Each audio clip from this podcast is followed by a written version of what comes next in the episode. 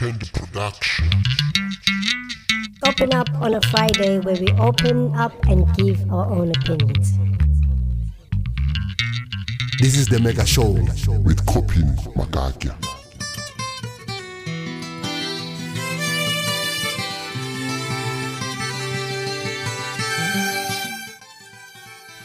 Nginibingelela mamega listeners eh igama lami nguKhopino kaMagaga. Le episode 2 ka season 1.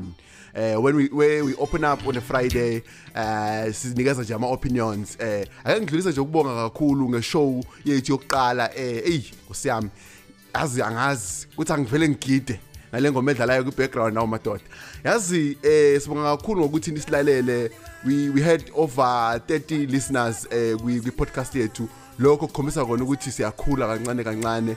And nathi siyathembisa ukuthi zona lokho sinilethela nje izinto nje ezinhle izinto ezincomekayo kulula kakhulu ke nje ukuthi nje uvele nje uye lapha ku blog yethu eh it's open up on a friday.blogspot ila uzosithola khona. Sizwile abantu bakhala ukuthi ey amadata ey amadata awekho maningi ngaleyo ndlela. Kulula kakhulu. Kune summary nje yeshow ikhona lapha kwi blog yethu and make sure ukuthi uyaya kuyona eh uzosithola khona. Ake ngidlulise i-show yethu ngidlulisele kwi-co-host yethu uben xo Yes yes yes. Ngiyabonga Mr Copin ukungintroduce kamnandi. But namhlanje guys we we have a new topic eh? And before I introduce the new topic bengifuna ukuzisho mina ukuthi ngubani. On Instagram I am um xolisi_magubane and on Twitter it's @bane_xo B A Y N E. XO eh? And then on Facebook it's easy bafethu it's Mxolisi Ntuthuko Magubane eh? so the new topic for today is culture and religion phasing out in our age. So that's the topic esobe sikhuluma ngayo ke namhlanje ukuthi is culture and religion phasing out in our age. So the ama guiding questions we usually um, give people my guiding questions so that bangaphumi bangabi off topic you understand? So the first guiding topic would be in your own words, what exactly is culture and religion? In your own words. Eh? We don't need a, a, a, definition from from from it, it, it, it Wikipedia or whatsoever. so the and, and the second one is what makes us as youth not to be more interested in culture and in religion. yini enza ukuthi abantu abancane bengabi more interested with culture and religion and the third one is do you do you think in uh, do you think our parents have an influence in the phasing out of religion and culture? So do you think ukuthi abazali bethu ke manje banaso yini isandla ekutheni thina esiyintsha la South Africa singayilandeli kakhulu i-culture ne religion yeah and and the, and the, and the following one is do you as a person see a need of a culture and religion in our society? You understand? Do you see isidingo sokuthi kube khona iculture ne-religion in our society. The last one is do you think our children and grandchildren will practice culture and religion in the near future? I think that one that one is, is the one is final. That, that's the that's the last one. So yeah, thank you. Osibonga kakhulu eh Benex O eh co-host. Okay, namhlanje sithe spice up izinto. Uyayizwa nayo itopic yethu ithe ukuba complex kakhulu. So sinama guest awu 4. Last time besine guest day 1 but this time eh sikwenze lokho just because abantu bakhalile bathi ishow yethu leyokuqala was short. They were waiting for more things to be said and besingafuni ukuthi umandisa azasho izinto mhlambe ezingaqhamuki from kuyena kodwa ke namhlanje sithe asithole abantu abaningi ama guest athi kuba maningi so that sizothola more views about the topic. Remember ukuthi topic ithini? Is culture and religion phasing out in our age. Lalela ke yilokho ekuzokwenzeka i guest ne guest mayingena izoyintroducer through ama social media so that if you have questions uzobe usuyamlandela. Ngizoqala ngo Zamankosi Eh ngibingelele ngibingelele kuwo wonke abalaleli be-podcast eh, igama njengoba seshilo.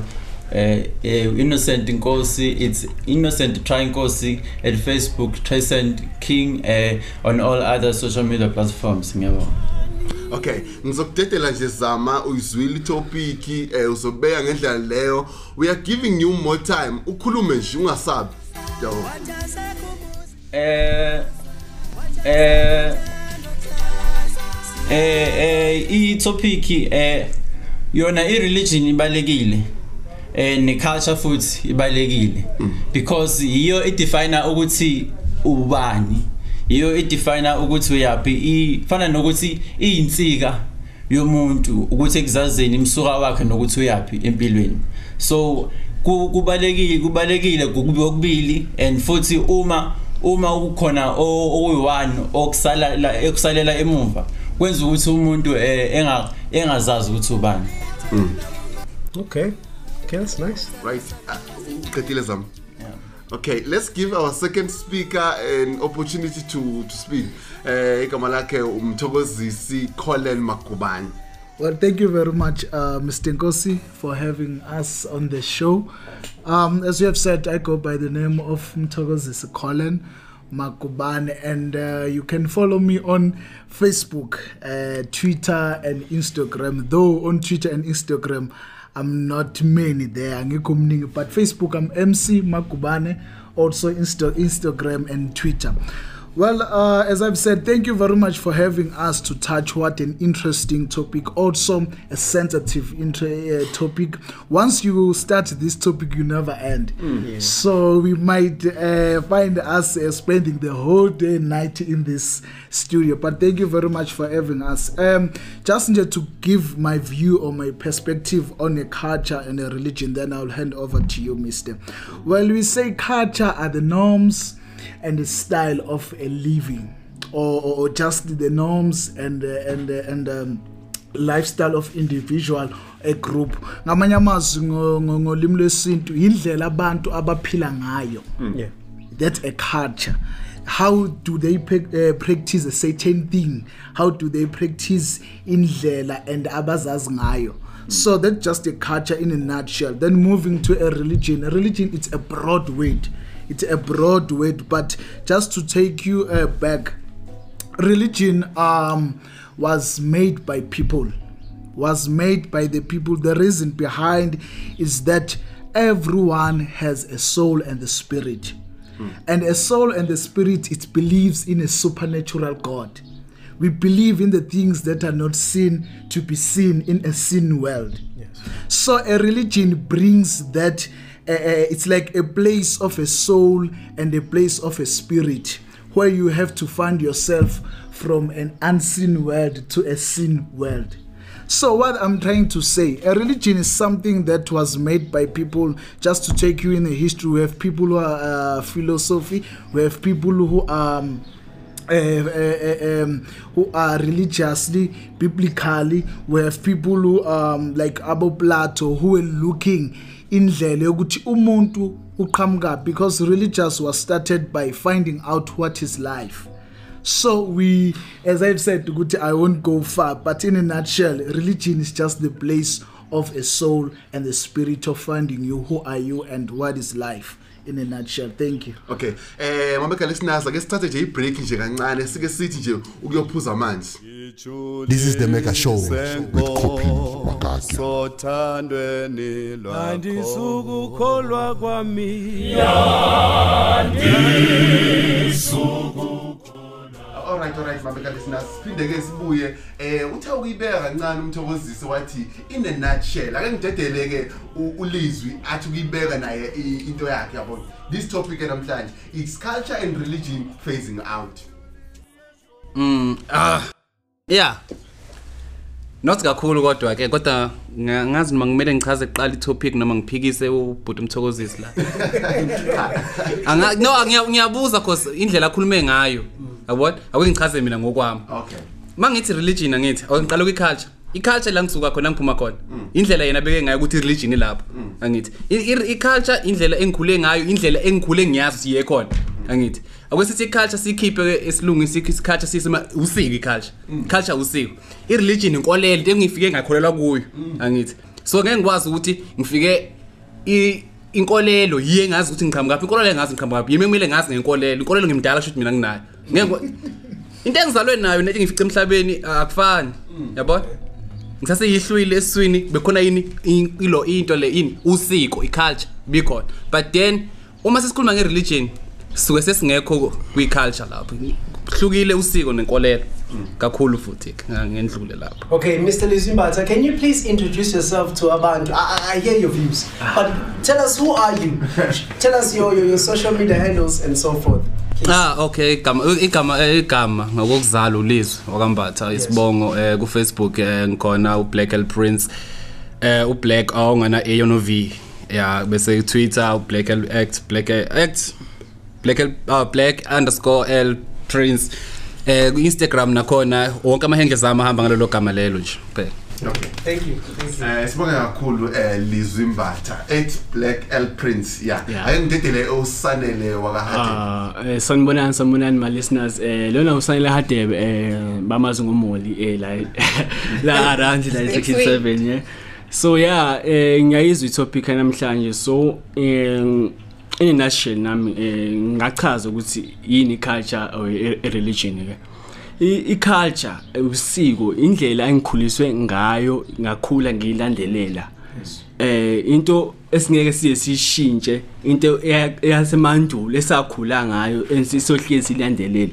Eh, for instance um in umhlolo wentombi isiko lelo into esihlezi silandelela as amazulu namanye ama- namanye amalona ke eh.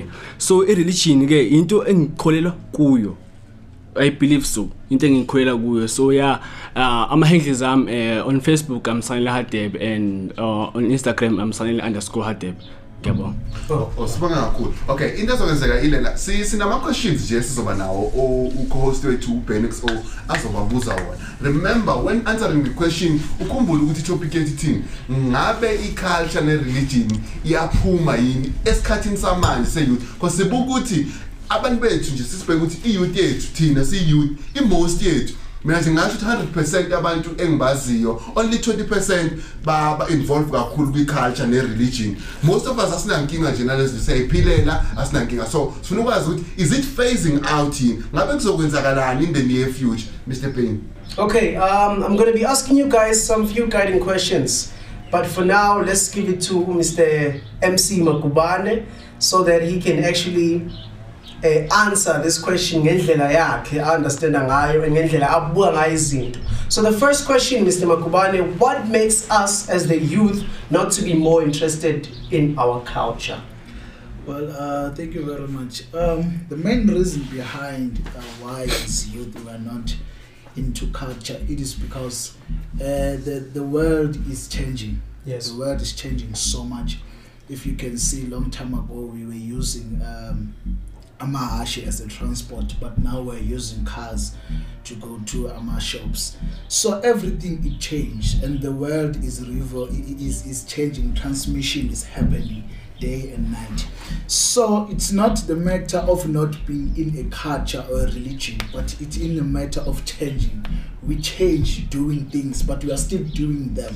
So it's not the matter, as I've said, of the, we are phasing out from the religion or from the culture, but we change the way we do them. So abantu abadala then that way they become so frustrated but we are living a culture, we are living a religion, Yes. but we are not living it, but we are changing it because we are 20 is this 20th century we are doing things in our own ways Okay. you still have culture you still have religion but Yes. the main point is that it is changing Yeah, M- Mr. Makubane, ngizwe ukhuluma ngabazali ukuthi abazali they are very worried ukuthi things are starting to change manje and they feel as if we are neglecting i-culture yethu. So now ngibuze ngifisa ukubuza wona. Do you think our parents have an influence in the phasing out of religion and culture? Well i would say yes and no Oh, okay. I would say yes and no. Some of our parents are versed when it's coming to culture. Some of us are they, they are not versed. Abe- aba- abafundanga ngeculture, bayazi culture. Yes. What I'm trying to say, just to make an example with my parents. My parents growing up, thina ekhaya we are not uh, versed nge- nge- nge- nge-culture ukuthi amazulu enza lokhu nalokhu nalokhu nalokhu nalokhu. So there's no there's no point ukuthi basilandelele ukuthi eh kumele ugqoke ibheshi kumele wenzeni wenzeni wenzeni so influence toward us is not ukuthi asiyekele i-culture noma a- a- a- asiye ku-culture but bona i-culture ngoba bayazanga nathi asikho kuyo. Okay okay. Also eh, eh, example kubantu abazali baba bakhule be- be- be- beku-culture they will eh, um, influence them ukuthi balandele i-culture because abazali babo nabo vele baku-culture Nkomosi ngiyakuzwa ngendlela okhuluma ngayo ukhulumela ephuzini lokuthi abazali nabo they do have an influence ey'nganeni you understand? So nake ngifuna ukubuza-ke wena ngifuna ukubuza wena-ke manje lo mbuzo lo ngithi do you personally see a need of i-culture or religion? Yini isidingo? Yes definitely. We can't there is no a nation there is no country there is no group of people without the culture and their religion. As i've said earlier a culture is the way of people uh, the way people they live lifestyle norms okay. and so on and so forth. Okay that is nice. So do you think our children and grandchildren will practice the culture and religion in the near future? Definitely they will. The main thing is that it change it revolve from generation to generation. Okay. Thank you mr you okay sibonge kakhulu kumfo amagubane eh usithe aphendule nje imibuzo emba ake sidlule si- siye lapha ku ku- ku Mr Nkosi eh eh, innocent Innocent, um, I think you know the first question engizoyibuza Mr. Innocent. Uh, question yokuqala ithi what makes us as a, a youth not to be more interested in culture? Eh into yenza ukuthi singabe interested kangako not only eh not majorly but part of it is because asazi ngabanzi ngayo. Ungakhuliswa ngayo eh the more time ihamba the more eh into ishintsha. Of course. eh the more if into isuke from someone else ithi gcina from other 10 people afar ifike ising- isingekona lokhu eh lo muntu loqala ofike wayisho. So iyashintsha. So ungaya ukwangazi ngento ngayo kwenza ukuthi kube nzima ukuthi ubelievele kuyo. Kwenza ukuthi futhi kube nzima ukuthi uyipractice. So eh into yenza ukuthi thina eh in this generation in this century singa si- singa si si doubt is because asazi kabanzi ngayo both i-religion and ilo i-culture. Okay, so I have a question laying up along our pants that I have to just tell you straight. Is culture and religion important to the millennial age? Is it important? yes it is because uh yona uh, they say there's a saying uh, in english it says that says uh, it takes a whole village to raise a child Okay. and i-culture yesasa- ye-society yokuthi how to live how to act even i-language is part of i-culture Yeah. So it is important because ikwenza ukuthi uzazi ukuthi uba nokuthi uvelaphi Yeah. all those, all those things are part of i-culture so they are very important even in our age Okay, i-religion, asikhulume nge-religion ke manje, ngiyayibona i-culture. Culture stems from izinto ey'nkulu kakhulu than what we can imagine. Asikhulume nge-religion ke manje. Asikhulume ngosikristu nika. Do you think Do you think ngosikristu nika? Believe in kulokujana. Believe in God, let me say. yeah good question Yeah. Uh, it's not like it's not a yes it's not a no Yeah. but it depends on ukuthi umuntu ukhuliswe kuphi ifamily yakhe Okay. so because mina i could say that i am skriskruniki kancane Okay, okay. but uh, because of where ukuthi ngikhulele kuphi ifamily yami so i believe in god just like uh, umr magubane said Yeah. ukuthi ukhulise efamilini uh, that is uh, religious. I also grew up in a family that is religious. So ngiyakholelwa lokho but because of i-society engirizele kuyo. Because of ngikhulele ngilalela i-hip hop nani and western music and everything. So nayo ngi- ngi-intact ngi- nginaso isandla kuyo. Konke lokho. Okay, so then this is the last question. Do you think our children and grandchildren will practice culture and religion in the near future? yes they will Okay. but because culture iyashintsha they will practice in their own way just like even today we practice the culture not the same as our forefathers did we practice it in our own ways. There are things that we look at and we say ah ah la engathi babe wrong la. But thina thina siyipractice ngendlela yethu. So they will practice it. Even though thina in our generation ngiyasavumelana if we see them. Besibabona ukuthi bayipractice kanjani ngesavumelana nabo because thina sibelieve ukuthi yenziwa kanje just like our parents do nabo bazoyipractice in their own way Okay, that's Can I, nice. can I ask you a question? Okay. You said siyipractice ngendlela yethu ehlukile. Can you give me at least one example ya ya yalokho? Uh, for example, I don't think uh, abantu abaphila in the 19th century be- benga- bengakujabulela ukubona a Zulu person having a white wedding. Oh, okay. Okay, Okay. okay. Oh, yeah. Because they, they would say that's a Western thing. Yeah, that's a good one. That's a good one. Right. Eh ake sidluleke si- si- sibuye ngapha eh Sanel. Yeah, yeah. Um yakhumbula question between ithi is culture and religion phasing out in our age. Then eh kunama guiding questions eh sibuza wona then you will answer them. Then eh what makes us as a youth not to be more interested with culture and religion. Ngicabanga ukuthi balekile kakhulu. And into engiyibonile ngibone ukuthi uzama nomthokozisi I think bayibalekelile leyo question. They did not answer that question there with why are we not more interested as we used to be in culture and religion? Eh yeah ngiyabhuza ngiyakuzwa eh uma uthi eh i mm, lona i question yakhe yesibili? Question yokuqala. Oh yokuqala eh it's it's what makes us uh, they not to be more interested in culture. Eh yeah eh, ngiyakuzwa but so as ubhuti umthokozi seshilo ukuthi umhlaba uyashintsha. Eh the more iminyaka ihamba the more izinto izi zishintsha. So eh, indlela abantu abenza ngayo indlela abantu abakholwa ngayo iyashintsha. So yeah ngiyavuma nje ukuthi yeah umhlaba uyashintsha and everything iyashintsha so ukukholwa kwabantu ey'ntweni ey'thize abanye aba abaku-approve lokho yabo? Ukuthi okay wena ukhwele entweni kanje mina ngikhole entweni kanje. So ngeke size sibe naleyo nto le relationship yesingeke izibe ibe grand kanjalo. But-ke eh uh, konke kwamele si si-understandane ukuthi okay if ngikholelwa ngikholelwa entweni kanje we have to live with it. Then if mina ngingakholelwa entweni kanje then okwakho nawe lokho then nakho kwakho kwami. Then when it comes to culture i-culture ke into vele esi- esi- esikhula ngayo esizoyilandelela. Until till till yabo? Because into vele esakhula ngayo into engesikwazi ukuyishintsha and stuff. So yeah. Okay. I-question yesibili do you think our parents have an influence in the phasing out of religion and culture? Because you remember sisakhula be- bugqugquzela ukuthi you have to go to church Yeah. yabo.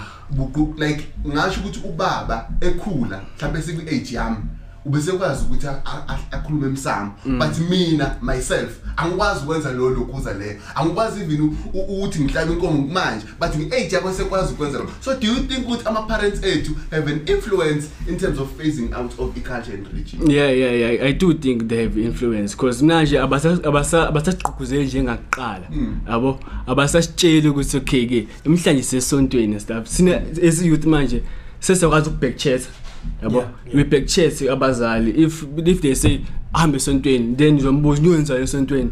Then ngiyosonta. Abanye abas- abasiboni isidingo sokuya esontweni. So like njengami yabo mina i believe in god but angibelieve ukuthi mina ngiyesontweni ukuze ukuze ukuze imthando zami ikhona ukuzwakala yabo?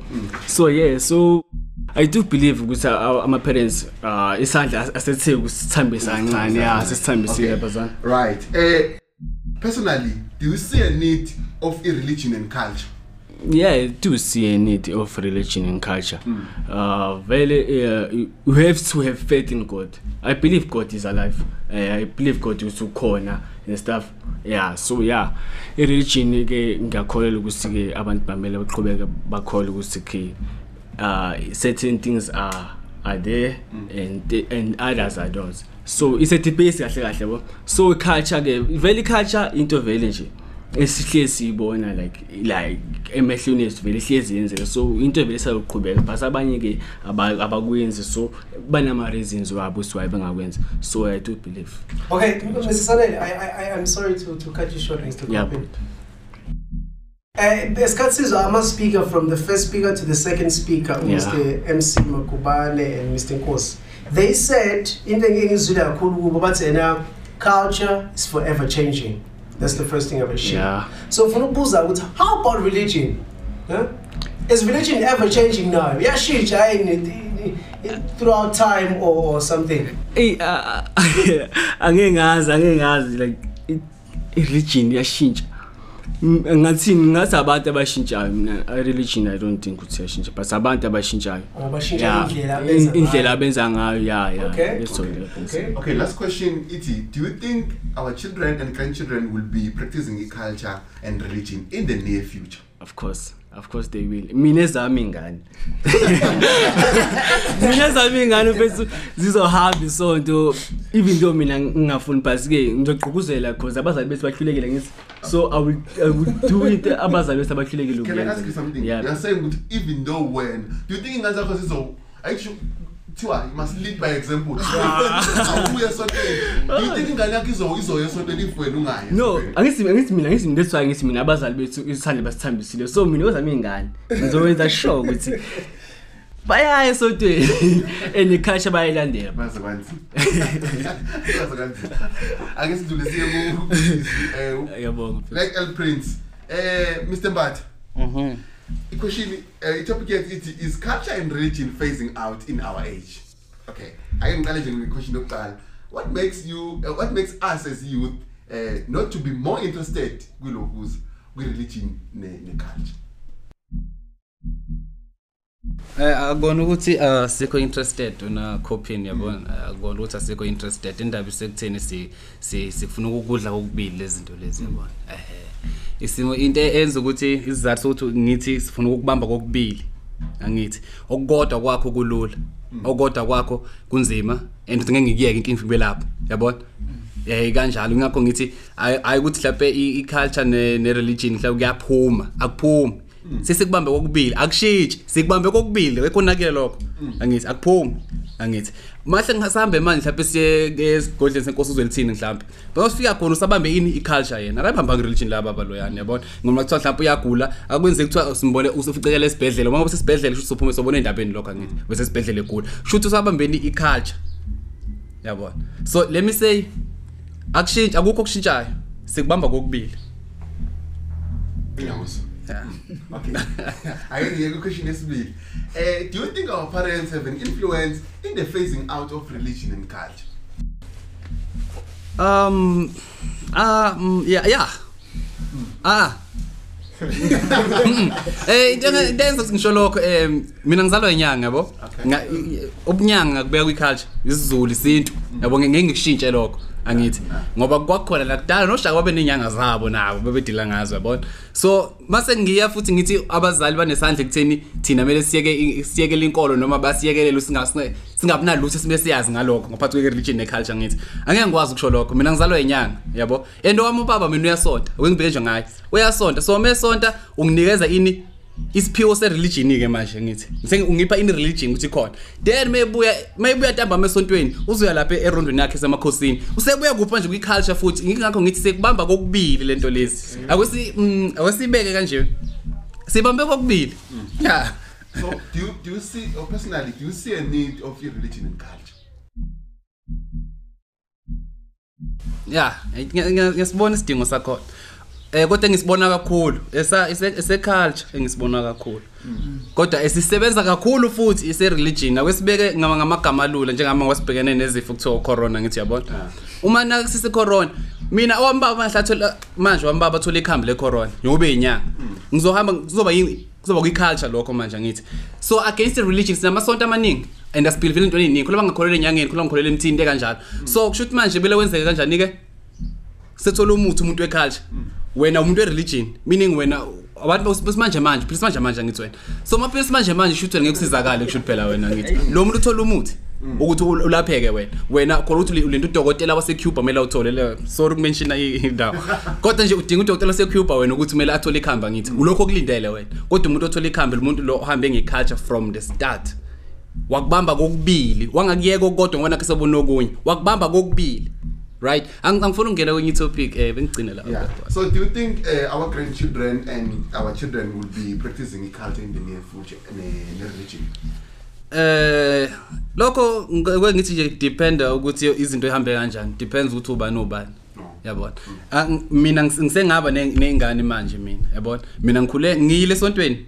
Ngiyile esontweni ngiyile ngaya ngaya kwaze kufika isikhathi ukuthi asengingasayi yabona? Ngoba manje ngikubone ngikwenza ngalo kuhlukile lokho engi- bengikwenza ngakayi esontweni yabona? Ngenza into eyodwa. Yabona? Mangifika esontweni bashungusa impepho sona sekhaya iyashungusa impepho. Akwe- angibamba akwengibambe noma yini ke yodwa ke khona yabona? Ngakubambi kokubili ehe. Kodwa eh ake ngithi indaba ye- ye- i- iy'ngane za zethu ngakusasa ke- ke- ke- kwi-future. Yabona? Zi- zi- zingakholelwa yini? Ya zingakholelwa. Yabona? Kodwa mina mahle manje ngibe nengane mina. Mhlawumbe i- i- iba na one one year ke ingakaboni ukuthi ngingakayikwazi ukuyifundisa lonto lezo angithi bese ngiyahamba mina emhlabeni kuyo depend ukuthi isala nobani ke manje leyo ngane leyo Yabo. Okay. Eh alright, alright. Sibonge eh eh Black and Prince. Eh yabo. I-topic. Eh ngiyabona mangabe ekhuluma la police noma u- u- usalele ngapho ulokuthi ngapho ngonikhaya. Noma vume ngesikhathi ngathi uyaphikisa. Ayingenze kanje. Sing- Singayenzi ukuthi izibe yinde kakhulu abagcina abantu bephelelwa i-patience ukulalela. Ake si- ake siyivale i-topic kodwa into esizoyenza soyivala futhi njengoba siqale eh ekuqaleni. Soqala from lapha ku Mr Nkosi eh a- ayivale ke manje. In conclusion u- uthini ke about eh i-culture and religion phasing out in our age? Uh, i-culture ne-religion phasing out in our age will be dependent ekutheni umuntu ukhuliswe kanjani just like uh, uh, um- umi- umr uh, black Hill prince eshilo ukuthi ukhuliswe ubani will determine ukuthi ukholelwa kuphi. So if umuntu ekhuliswe in a religious or a cultural family lo i- or even a society uzokholela kulokho. And izo izoprolonga ke yona throughout time depending ukuthi umuntu ukhuliswe ukhuliswe uba eh eh ama social media ami ngiphinde eh on Facebook is innocent try inkosi on Facebook on uh, other social media platforms is Trisent konke indawo Eh sibonge kakhulu Mr Nkosi. Ake sidedele MC. MC Makumane eh yakuthinta le topic ngiyabona kakhulu. Ake sidedele ukuthi in conclusion nje eh Mr Makubane. Eh iyangithinta iyangithinta kakhulu but it's a pity that we are concluding. Yeah, yeah, yeah. Uh, ukuthi nje eh uPrince hayi uyithintile. Mm. Uyithintile uthi sikudla sokubili. Uthi sikudla and what we have to um note ukuthi when we talk about religion it also include culture. A religion is culture. yeah Eh, specifically if you are religious there is a way of doing things that is culture so um awikho ngisho into ukuthi vele sa conclude i wanted to say more okay, okay, I, I, I can relieve that. This is kanje. I see ukuthi this topic angeke siziphele. Uh. I think mameka listeners sizoba no part 2 wayo ilokhuza i-topic le? Because ngiyabona ukuthi kuningi ozoshiwo. Noma ngathiwa i-topic ayise- ayisekho ngale ndlela ukuthi is it phasing out? Yabo. But i-topic izobe mhlawumbe singenye indlela kodwa upart 2 wayo ishow. Mr Makubane khulileka nje. Yeah. Sizophinda sik-invite futhi kwi-show ukuthi you may come back. Yabo. Yeah thank you very much. Oh, oh, oh, thank you very much. I wasn't going to mail this. Uh, thank you very much. There will be part two. Uh, as I've said, uh, first time, my social media handles. Uh, I'm not uh, social media versed, man, but Facebook you can get me MC Makubane, Twitter and Instagram. That's where you can get me. And uh, thank you very much. You'll see, you'll see each other part two. okay sibonge kakhulu ake ngidlulise lapha ku ku eh sanele hadebe Oh yeah yeah yeah siyabonga siyabonga for a good show eh in conclusion eh mina ngingakusho nje ah kusimple nje ukuthi nje okukhuliswe ngakho qhubeka ukwenze if kukhona into ethize qhubeka wenze yona if you if you see a good thing in it then it's good. Eh on on social media eh, ngisaqhubeka eh, usayile hadebe on Facebook eh on Instagram isayile sanele hadebe. Isanele_hadebe yeah ngiyabonga. Okay guys, uh ngiyabonga kakhulu bafethu for those asebekhulumile and it means a lot ukuthi abantu and okunake befuna ukugcizelela kakhulu.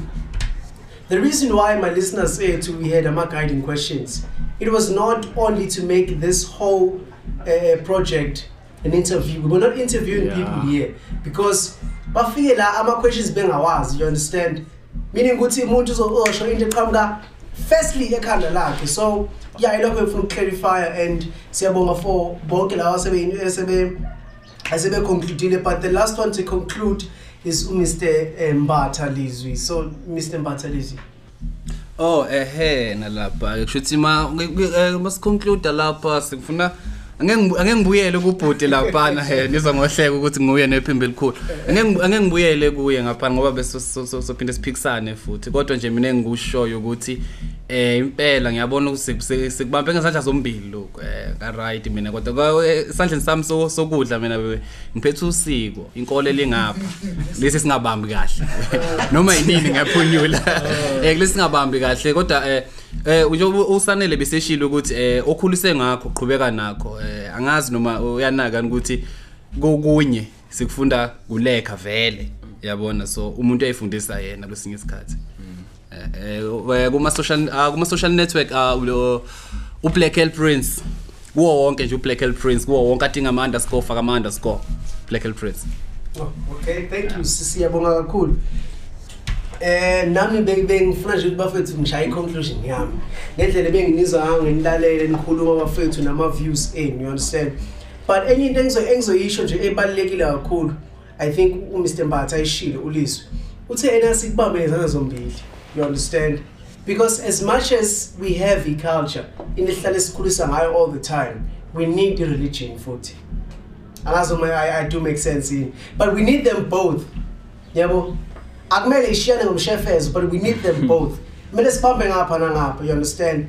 And i feel like as much as singazi ukuthi kuphi okuright because iqiniso as- as- asinalo sonke iqiniso. If olisi atshele ukuthi hayi nakho okuright lokhu you understand?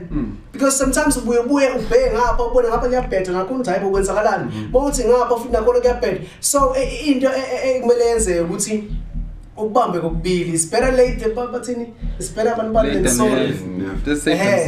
yeah so ey'ntweni kanjalo? Kumele sisigade nalokho. And okunye futhi ngizocela ukubonga ukuthi for everyone ukuthi akhona ukuza la it means a lot bafethu. It means ukuthi nathi we are taking this thing very serious. It means ukuthi konke lokhu esikucabangayo nathi we are taking it serious because sifuna abanye abantu bakuzwa ngisho. So ngiyabonga kakhulu for lokho guys. But on facebook you can catch me bafethu. It's mxolisi tuthuko magubane yabo and then on instagram it's mxolisi underscore magubane and on, on Twitter, it's at Bane underscore XO, at B Y N E underscore XO. So yeah, guys, ngicela ukubonga kakhulu eh ngiphosele ngapha nami kuyi-host yethu Eh sibonga kakhulu ngomega listeners eh ishow yethu ke sithi nje ake sithi conclusion kwi topic yethu namhlanje kodwa ke asisho ukuthi topic siyayivala kahle kahle uma uya kwi blog yethu it's open up on a friday.blogspot.com ilokhuza i conversation la sinayo la izobe ikhona lapho isummariziwe and enzansi lapha uyakwazi ukuthi ushaye i-comment yakho. Then ama guest lawa te khona angakwazi ukuthi akuphendule khona kwi kwi blogspot yethu. Remember ukuthi like into ezoyisho i-confidential kuwena and ma ungena kwi-blogspot ya leyo yethu awubi ayikuvezi esigama lakho kodwa uba unknown so that you we can put ama-views akho ngendlela right. Ake ngicale nje kanje ngibonge kakhulu ukuthi um ama-guest ethu afike namhlanje njengoba seshilo u- ulokhuza ubhenex ukuthi iyasiza kakhulu lento ukuthi sikhule nathi. Um kukhombisa kona ukuthi um abantu esiphila nabo um bayithatha serious into esiyenzayo and izosisiza kakhulu as isikhathi sihamba. Um ake ngicale nje ekuqaleni ngibonge um abaphathi bestudio um ecandy candy music. Ngi- sibonge laphayana utrap eh smoker okuyena kade ehleli lapha ku eh, ey'ntambeni kumabhathini kuyena kade esenzela yonke into. Bese sibonge kakhulu na uproducer wethu omunye u young master yes. Sibonga kakhulu eh kwi kwi kwi Candy Music ngokuthi isivulela iminyango yayo ukuthi size sizo recorda i i i- mega show and sibonga kakhulu nokuthi silalele. Khumbula ukuthi ngubani? Igama lami nguCopin wakamagagya lapho ku Facebook nguCopin magagya ku ku Twitter @copin_magagya if uya ku Instagram it's Copin or it's magagya underscore Copin kulula nje kakhulu kulula nje kakhulu. Sibonga kakhulu nomega listeners and phinde nje silalele. Mr problem? Hayi right mina veza aqhubeka ukukhuluma eh lalela ke into ilula nje lento kanje if mawukuthi eh u- ufuna uku- ukusilandelela kakhulu if sikhona ku Spotify if u Spotify ehlula ukhona i- ilokhuza u Radio Public if nayo ihlula i Radio Pub- Public ungaya lapha ku Google- ku Google eh podcast. Yeah sibonge kakhulu It's Candy Production. Open up on a Friday where we open up and give our own opinions. This is the Mega Show with Kopin Mataki. bamcelela kazuma bacela kakhumalo bangicelela kazungu bacela nakashanda bacela ngoba isiko benzela umfana na? Ngayicelela ke mina. Ngayikhethela wena. And uh, khethile khethile